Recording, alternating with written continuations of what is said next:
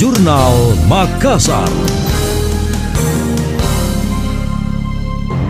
Saya Emil Faris dalam Jurnal Makassar. DPRD merespon belum difungsikannya sebagian kontainer yang tersebar di 153 kelurahan. Dalam program Makassar Recover, kotak peti kemas itu bakal digunakan sebagai tempat penanganan COVID-19. Ketua Komisi D Bidang Kesejahteraan DPRD Makassar, Abdul Wahab Tahir mendesak jajaran lurah untuk menyukseskan hal itu. Dalam pandangannya, keberhasilannya ditentukan seluruh perangkat pemerintahan. Dia juga menanggapi pengadaan yang belum rampung. Jika tidak ada kepedulian, Dewan mendukung langkah wali kota yang bakal melakukan resetting. Tujuannya agar program pemerintahan bisa berjalan sesuai rencana.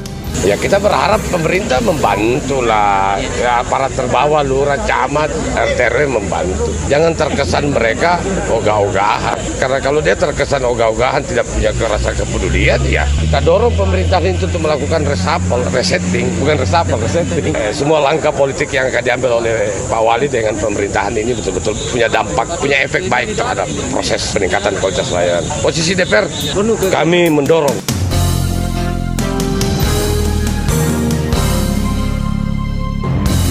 Sebelumnya Wali Kota Makassar Dani Pomanto memberi sinyal kembali bakal melanjutkan mutasi pejabat yang dinamai resetting pemerintahan. Targetnya bisa diselesaikan secepatnya. Anda masih mendengarkan Jurnal Makassar dari Radio Smart FM.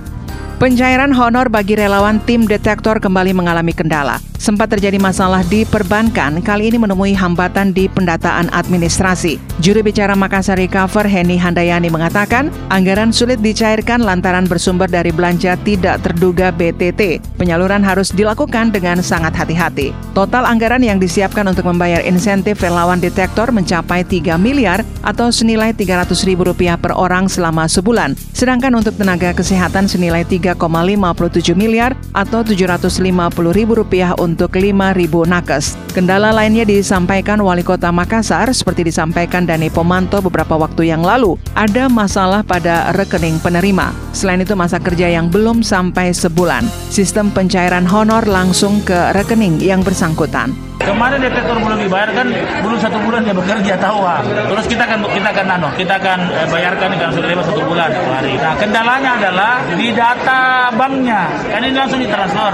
Di data bank itu banyak orang tidak masukkan nama ibu kandung, itu yang belum. Nanti di, di anu, saya sudah perintahkan anu. Insya Allah ada uangnya ada kok.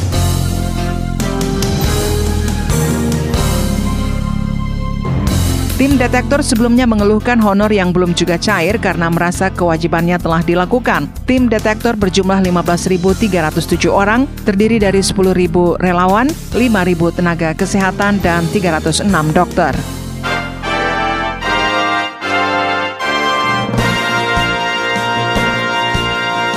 Demikian tadi, Jurnal Makassar.